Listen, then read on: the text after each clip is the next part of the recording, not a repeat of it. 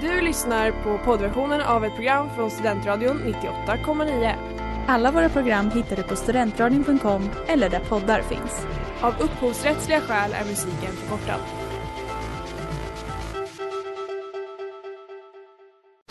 Reklam, reklam. Hej där! Tar du ett sabbatsår? Är du klar med din utbildning i höst?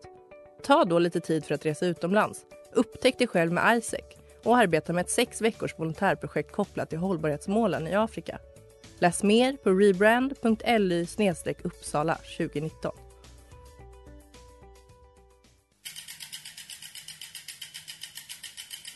Har du fått punka, krångla växeln eller är cykeln inte lika snabb som den en gång brukade vara? Vänd dig då till Leffes cykel, Uppsalas främsta cykelverkstad sedan 1988. Du hittar dem ett stenkast från Ekonomikum på Sibyllegatan 9 i Luthagen och på leffecykel.se.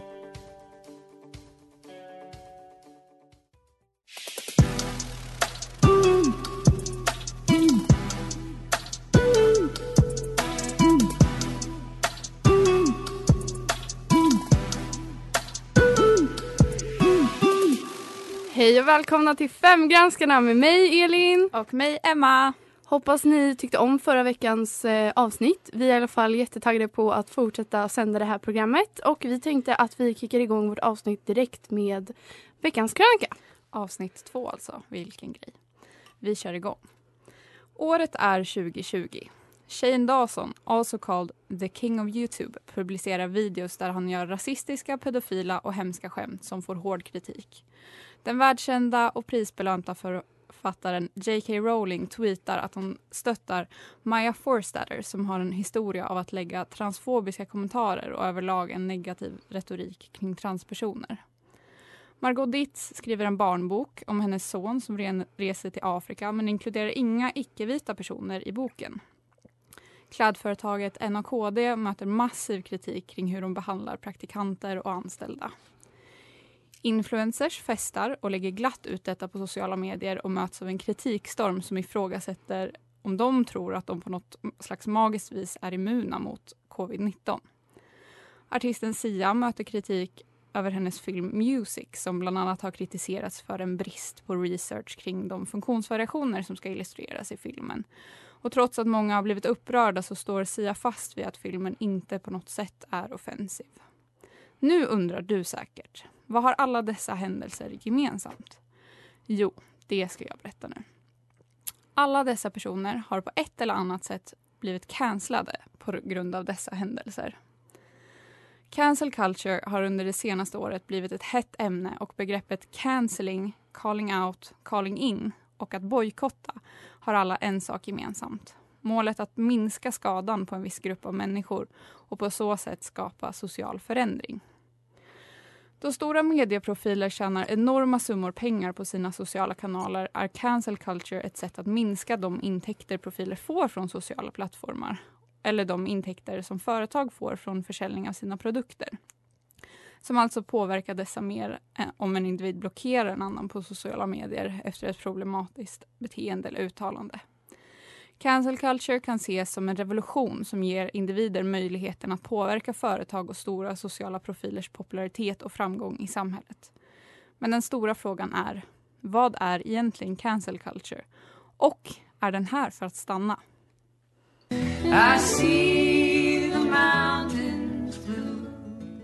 Det där var Blue Mountains med Peter Doran och Hailey Hendrix. Du lyssnar på Studentradion 98,9 och det här är Femgranskarna med mig Elin. Och mig Emma. Och idag ska vi som ni kanske förstod prata om fenomenet cancel culture. Och jag tänker att vi börjar kanske med en liten genomgång om vad det är. Det låter du... som en bra idé. Vill du berätta Elin? ja. Eh, och som vanligt så kommer alla våra källor finnas länkande under vårt eh, avsnitt som vi kommer lägga upp sen. Eh, följande definition av cancel culture är från Urban Dictionary. Där det står att cancel culture är ett modernt internetfenomen där en persons inflytande eller berömmelse minskar på grund av tvivelaktiga handlingar och det orsakas ofta av en kritisk massa av människor. Jag tycker den här definitionen typ spelar min tolkning av vad det här fenomenet faktiskt är. Vad tycker du Emma? Ja, det var ju lite fritt översatt från Urban, översatt från Urban Dictionary. Sådär. Eh, nej, men jag håller väl med om att det, det känns som en väldigt enkel och eh, neutral förklaring. Eh, jag tolkar det väl ändå som att cancel culture någonstans handlar om att bojkotta någon eller något som eh, sagt eller uttryckt något problematiskt. Ja men precis och jag känner typ att det här ändå kändes som en relativt så här, neutral förklaring av eh, fenomenet. Men jag tror också att många misstar cancel culture för att vara typ att man kastar skit på folk över internet. Snarare än att man ger eh, konstruktiv feedback på ett bra sätt och antingen typ sluta konsumera produkter från ett visst eh, varumärke eller att man liksom avföljer någon person så på sociala medier. Ja, alltså jag känner bara, vad är grejen med allt hat? jag tänker bara som för några veckor sedan när Bianca Ingrosso gjorde ett eh, samarbete med Deodoc som gör intimvårdsprodukter. Eh, och hon fick ju väldigt, väldigt, väldigt mycket kritik för det här samarbetet för att Mm. sexualisera och försköna män så att det är en eh, lite problematisk produkt. Ja, och alltså det är ju kanske inte det bästa samarbetet man har sett sådär. Eh, men jag tycker också att om man ska lyfta kritik så får man också göra det på ett konstruktivt sätt. Och de flesta förstår ju att det här är kanske inte så menscykeln i regel ser ut. Och man kan ju argumentera för att hon själv också borde förstått det. Men det är liksom inte någonting som gör okej att skicka typ mordhot eller gå på personangrepp. Men jag tror också att det på sätt och vis handlar om eh, att folk tycker och att hon också utger sig för att inte vara så himla PK liksom. Ja, alltså, och som du säger, det, det är så sjukt att man liksom går förbi lite att uppmärksamma och, och kritisera och istället bara går rakt på att så här, du ska dö, din familj ska dö och din hund ska dö. Ja, och alltså, så här, när man har en sån typ av retorik så känns det också som att så här, personen kommer ha svårare att ta åt sig och istället bara bli defensiv. Liksom.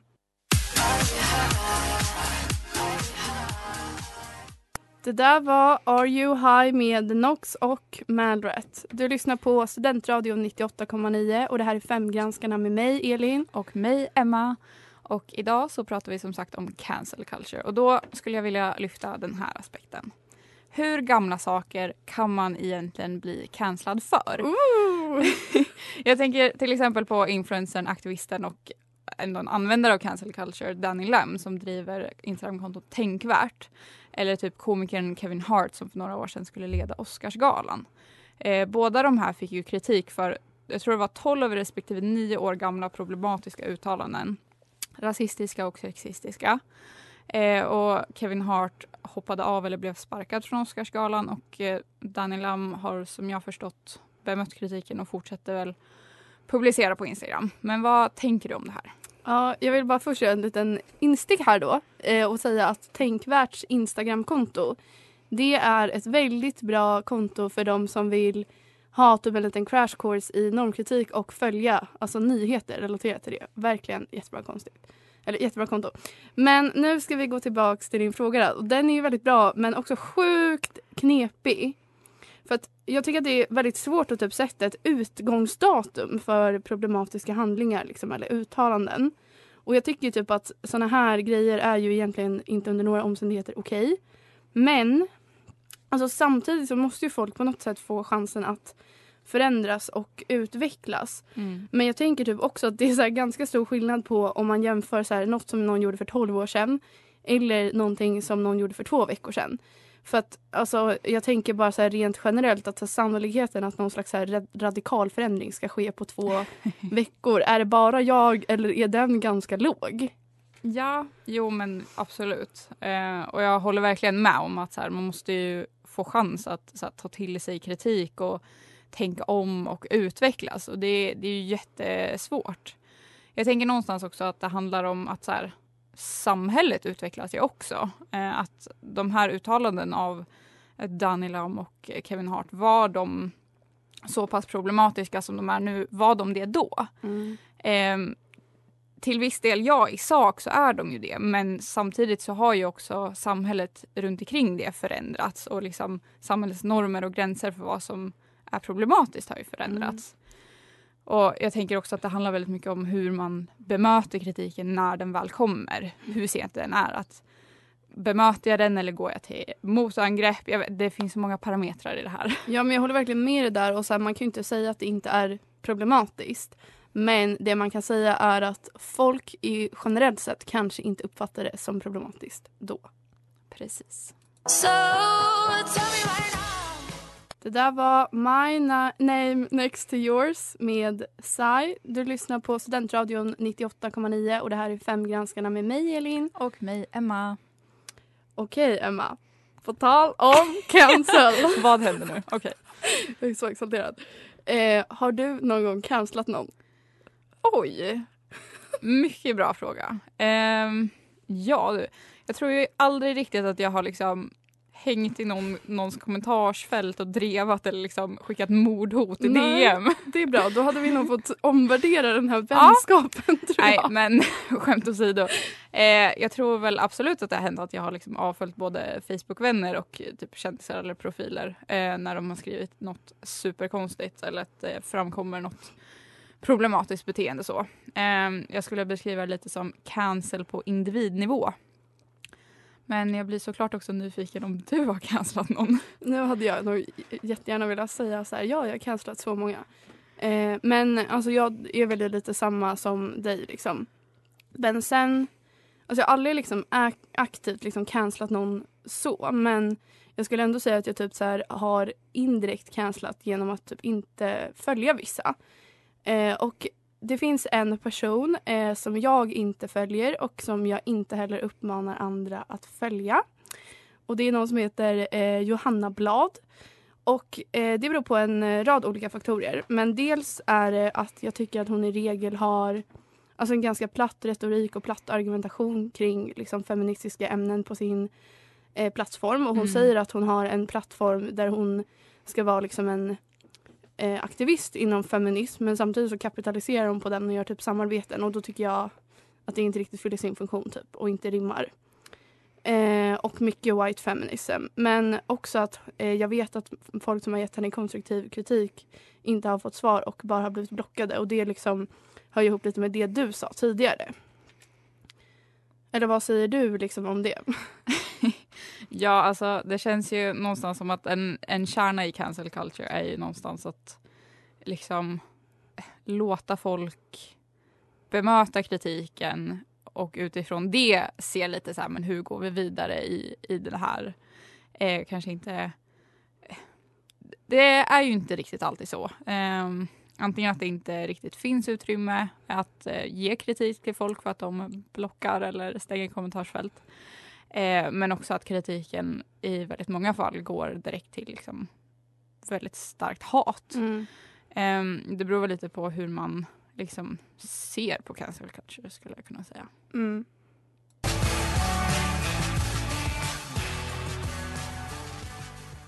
Det där var Doubt of Revival med Jordana och Ryan Woods. Du lyssnar på Studentradion 98,9 och det här är Femgranskarna med mig, Elin. Och mig, Emma. Ja, då var det dags för veckans citat! Yay! Okej, Emma, vill du dela med dig till resterande? Verkligen, det vill jag. Ehm, så bra. Eh, jag läser från en poddintroduktion i Resumé, fantastisk källa. Ehm, och det kommer ju såklart finnas en länk i beskrivningen. Citatet lyder så här. Det finns tydliga sidor i debatten om cancel culture. Den ena lyfter fram faran i att fenomenet riskerar att strypa det öppna samtalet om vi bara cancelar alla som inte passar in i vår egen världsbild. Den andra menar att cancelkulturen snarare har demokratiserat i det, det offentliga samtalet när sociala medier gett en röst till den vanliga människan. Slutcitat. Och jag tycker typ att det här är ganska talande för liksom båda sidorna av cancel culture med liksom för och nackdelar. Ja, alltså jag fattar ju verkligen vad de menar med det här.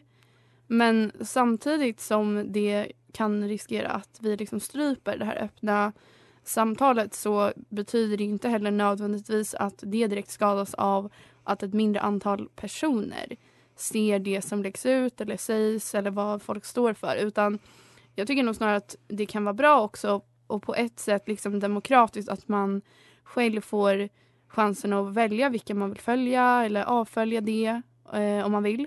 men eh, det är också väldigt onödigt att utsättas liksom för content som man inte mår bra av att se. Ja, alltså självklart ska man ju bara följa sånt man liksom mår bra av och sånt man vill följa och är intresserad av. Um, och jag tycker verkligen att det, det finns väldigt starka både för och nackdelar. Um, å ena sidan att vi lite stänger in oss i våran mysiga lilla åsiktsbubbla. Ehm, men å andra sidan att liksom alla får ändå en, en röst på ett annat sätt. Ehm, och det finns ju starka argument som menar att cancel culture är liksom ett ganska massivt hot mot yttrandefriheten. Och andra som argumenterar för att det här är liksom vägen till hur man uppnår social förändring. Ja, alltså det finns ju verkligen både fördelar och nackdelar med cancel culture. Eh, men samtidigt så tycker jag nog att yttrandefriheten kanske inte riktigt skadas på det sättet som de beskriver utan att det liksom är lite som att så här, du väljer att rösta eller snarare kanske att inte rösta på ett visst parti Mm. för att de har ett visst antal åsikter som du inte eh, håller med om. Men alltså, jag tror att det som däremot kan skada väldigt, väldigt, väldigt mycket är det här näthatet och eh, som liksom på sätt och vis cancel culture kanske har bidragit till. Jag säger inte att det bara är det men jag tror att det kan ha bidragit en del till det. Och risken är ju dock också att man istället för att ta en diskussion bara släpper det och typ så här cancelar och avföljer någon. Mm.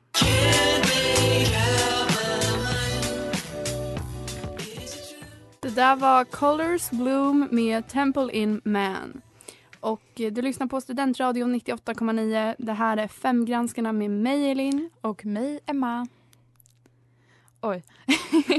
jag tänker att vi tar vid lite där vi slutade. ehm, med de här för och nackdelarna med cancel culture. Det låter jättebra tycker jag. Eh, och jag tänkte att vi kunde fortsätta diskutera lite liksom hur cancel, cancel culture påverkar samtalet som faktiskt kan leda till förändring i samhället. Vad har du för tankar kring det Emma? Jo, men jag tänker nog lite som så att dels är ju risken med, med cancel culture som sagt lite att man liksom hamnar i sin lilla åsiktsbubbla och inte riktigt får några nya intryck.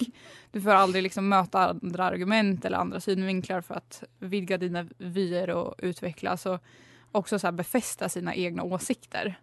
Ehm, men dels ska jag också förstå att alltså den här överhängande risken för att bli cancellad vid minsta snedsteg också le- någonstans kan leda till att så här, inflytelserika personer och företag inte riktigt vågar ta ställning för saker. Ja men precis. Och jag tänker också att en fördel bland såklart många nackdelar med just sociala medier är ju att man exponeras för så otroligt mycket content och olika åsikter och sånt där vilket också öppnar på något sätt ett så här forum för diskussion men också så, här, så får man en chans som individ att reflektera kring vad man själv tycker, kanske om andras åsikter men också så här, vad man har för egna värderingar i olika typer av frågor. Eh, och även om det egentligen liksom är rätt enkelt och typ så här convenient på ett sätt att bara så här cancella någon så är det också alltid bra att lyfta diskussion om man vill uppnå eh, en förändring i samhället. Och det är väl egentligen så här vad större delen av typ all debatt handlar om. Ja, och jag tänker lite, alltså det känns ju som att om, om det vi vill ha ut av cancel culture är att liksom personer som blir kritiserade ska ta emot den och bemöta det och liksom lite så. Eh, så känns det också ganska rimligt att vi på individnivå eh, liksom också någonstans måste vara öppna för andra synsätt och liksom utvecklas. Och jag tänker också Mm. att om, om alla är öppna för kritik och nya synsätt så, och att det blir diskussion så leder ju det till förändring i både samhälle och individ. Ja men precis och det vi försöker säga här är ju inte att så här, du måste hålla med om någon uttalar sig rasistiskt men att alltså om man vill förändra någons åsikter och om man vill eh, förändra liksom samhället som stort då är det ju viktigt att liksom ja men att kunna eh, prata om det på ett liksom konstruktivt sätt och inte bara liksom stänga av den personen. Ja, då får den mindre följare och kanske slutar tjäna lika mycket pengar eller man konsumerar Mm. inte lika mycket produkter av ett visst företag. Det betyder ju inte att de kommer förändra vad de gör. Nej men precis. Eh, och också liksom om vi inte ger eh, alltså varken så personer, inflytelserika personer eller olika typer av företag och organisationer, om vi inte ger dem någon kritik att responda på så blir det ju också bieffekten av det blir ju också att de har väldigt svårt att responda på någon kritik som de Ja, inte får. Nej, verkligen.